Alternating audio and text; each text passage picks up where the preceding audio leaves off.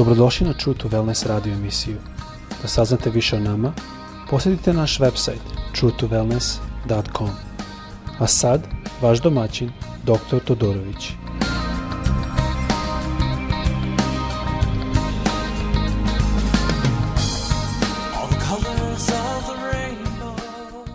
Ljubazni, dobar dan i dobrodošli na ovaj podcast – kao što znate, ovaj podcast radim iz Florida, iz Amerike, a ja sam odrastao u Kanadi, tako da moj srpski je prilično teži. Um, istina je da sve ove propovede ili poruke kratke što dam to prvo napravim na engleskom pa onda prevedem na srpskom. Ne znam zašto, ali prosto mi je tako lakše. A, tako izvinite ako nešto pogrešno izrazim se što se tiče gramatike ili što se tiče jezika, ali svakako mislim kada dođe do reči Bože da ima puno puno lekcija koje možemo podeliti jedan sa drugim i to je cao razlog za ovaj podcast koji sada ima preko 10.000 downloada. razlog je da delimo sa jedan sa drugim.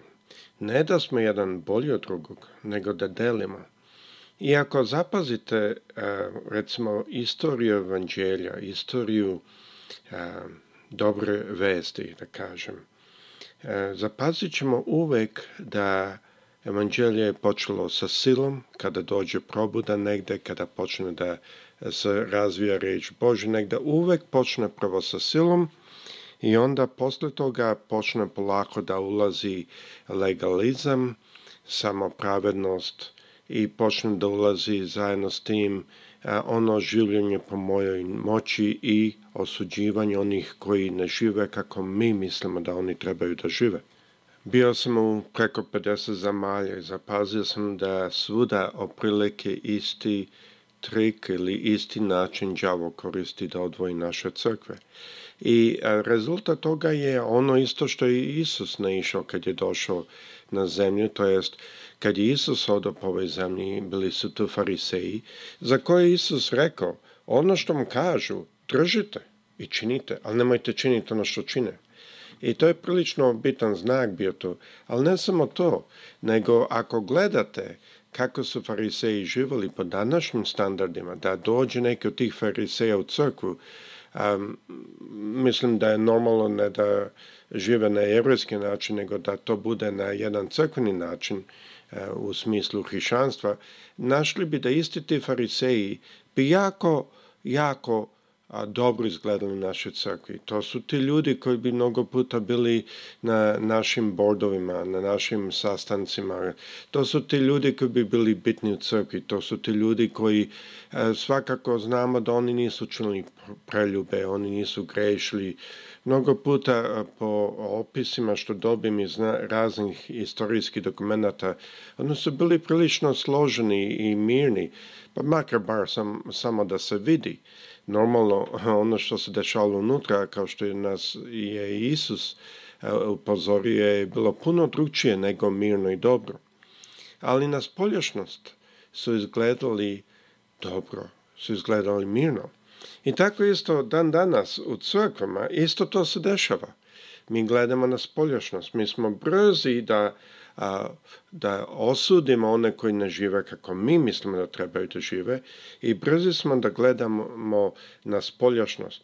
I zato bi volio da danas pogledamo prvo Jovanove 1.7 da kaže, ali ako hodamo u svetlosti kao što je i on u svetlosti, imamo zajednici jedan s drugim i krv Isusa, sina njegova čisti nas svakoga griha. Žel bi da malo razmišljamo o toj malo ćemo više studirati tu reč, ali prvo bi volo da saslušamo jednu pesmu koja kaže Padni na mene. I posle ove pesme ćemo malo bolje i dublje pogledati u riječ Božju.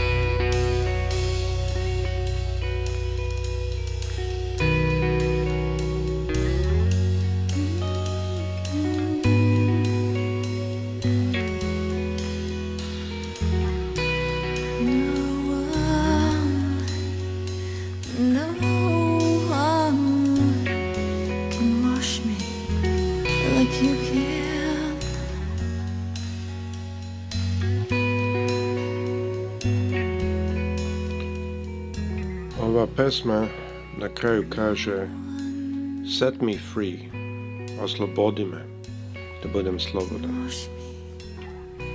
Oslobodi me. Mislim da to mora biti i naša molitva isto. Da nas Gospod uvek može osloboditi od stvari koji nailaze.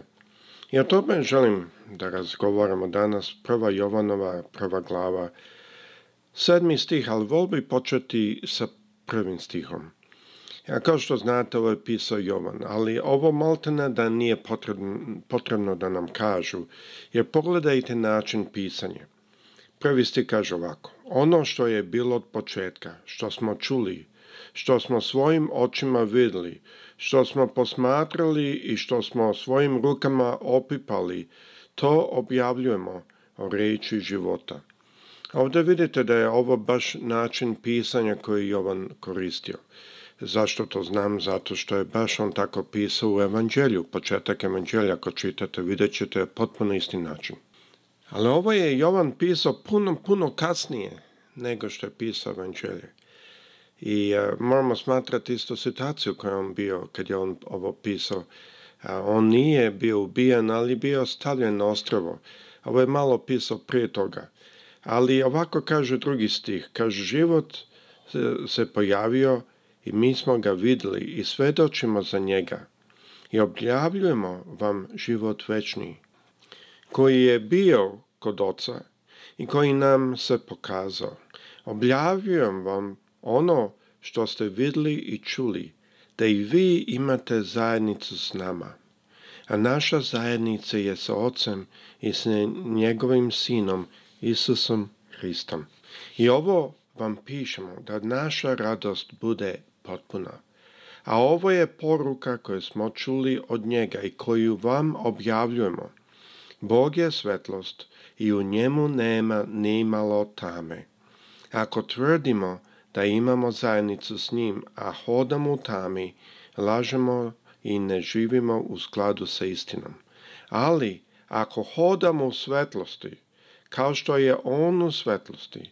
Imamo zajednicu jedan s drugim i krv Isusa, njegovog sina, čisti nas od svakog greha. Ja e sada ovo kada čitamo možemo vrlo lako zaključiti da ovdje se radi o tome da ne hodamo u grehu. Mnogi to zaključavaju. Ali to nije što ovdje kaže. Ovdje kaže da hodamo u svetlosti. Ja sam mnogo godina mislio da se ovdje radi o ne hodati u grehu. Ali nikad nisam mogao da objasnim naredni stih. Znači, ovo je sedmi stih, ponovit ću ga opet. Ali, ako hodamo u svetlosti, kao što je ono svetlosti, imamo zajednici jedan s drugim i krv Isusa, njegovog sina, čistina nas svakog greha. Osmi stih kaže ovako. Ako tvrdimo da nemamo greha, sami se zavaramo i u nama nema istine. Zanimljivo. Znači ovdje se ne radi o tome da li imamo greh ili nemamo greh. Naime, ako mi hodamo u svetlosti, mi ne želimo da živimo u grehu. Ali to ne znači da nemamo i ne činimo greh. Nemojte zaboraviti da ovo su vrata kroz koja uđe samo pravednost i farizejski duh uđe unutra i je pada, ali to se radi o ranije imati greh. Ne kaže tako ovdje. od ne kaže ako niste imali greh.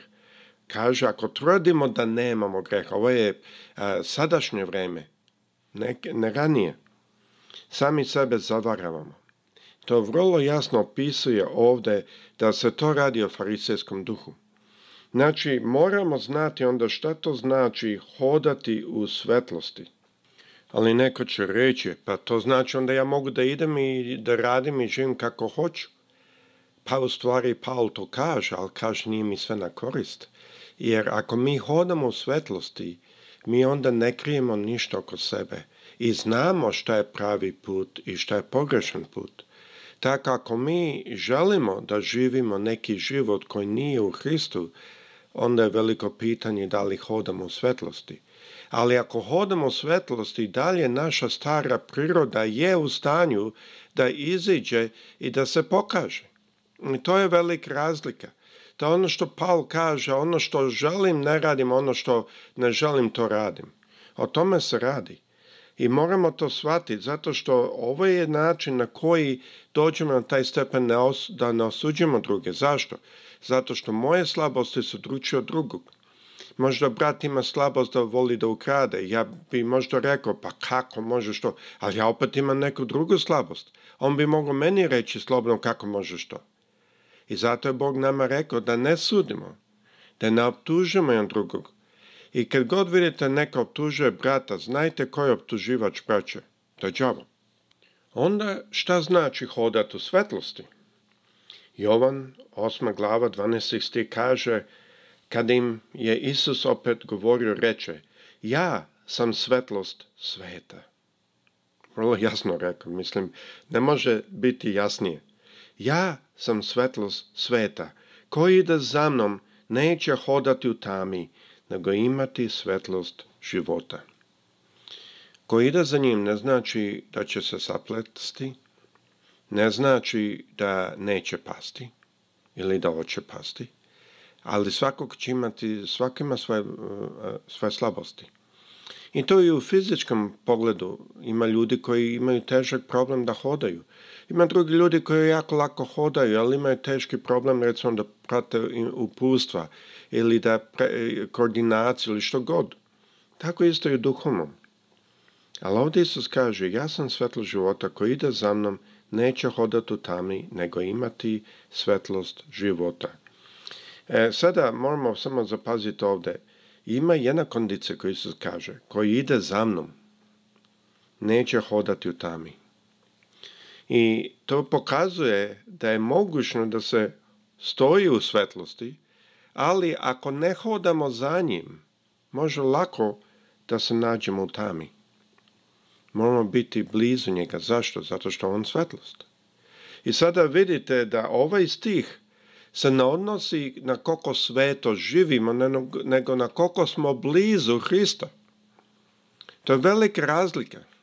Jer to znači da neko koji je došao iz droge i bori se sa drogama, ali voli Hrista, da on bliži njemu, nego neko koji je odrastao u crkvi, nikad nije imao probleme, ali Hrist je samo nešto na što on navikao jedna nedeljna odluka, jedan nedeljni običaj. O tome se radi. Znači, mogućno je, i ovo je jako opasno, mogućno je da hodamo ne u svetlu, nego u tami, a da ne grešimo. U jednom smislu.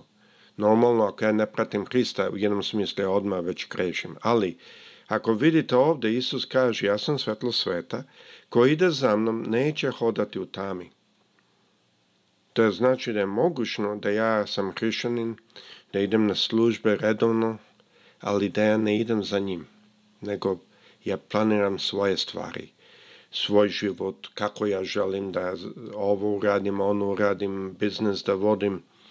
I u stvari ja ne hodam u svetlost, nisam dovoljno blizu njega. A nema tu nikakve reči da ja živim u preljubi, da ja nešto tako radim. Ja prosto ne hodamo svetlo. Zato je jako opasno da mi kažemo, kad pročitamo ovaj stih, a da, da, to se znači o tome da živimo sveto, da ne grešimo. Ne. No, istina, ako hodamo za Isusom, ne mislim da ćemo želiti grešiti, ali greški dalje se dešavaju. Ali kao što vidite, isto je mogućno da ne grešimo na način neki koji se vidi, a da i dalje ne hodamo za Isusa za zato što znači hodamo u svojim tradicijama, u svojim običajima, u svojim situacijama i ovo se dešava jako često u pravoslavnoj crkvi. Ovo je razlog što je jako bitno da pazimo na riječ Božju, vrlo precizno i da pazimo šta riječ Božja kaže. I ako riječ Božja kaže da hodamo u svetlosti, onda to znači da hodamo u svetlosti moramo paziti i jako studirati.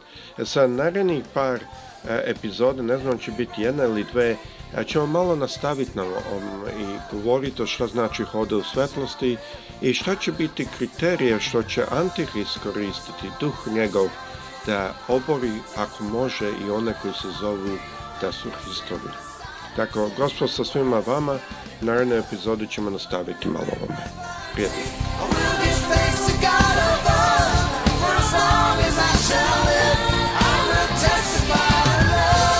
Slušajte True to Wellness radio emisiju. Pridružite nam se ponovno. Za kontakt molimo posjetite naš website truetowellness.com. Naša e adresa je info at truetowellness.com.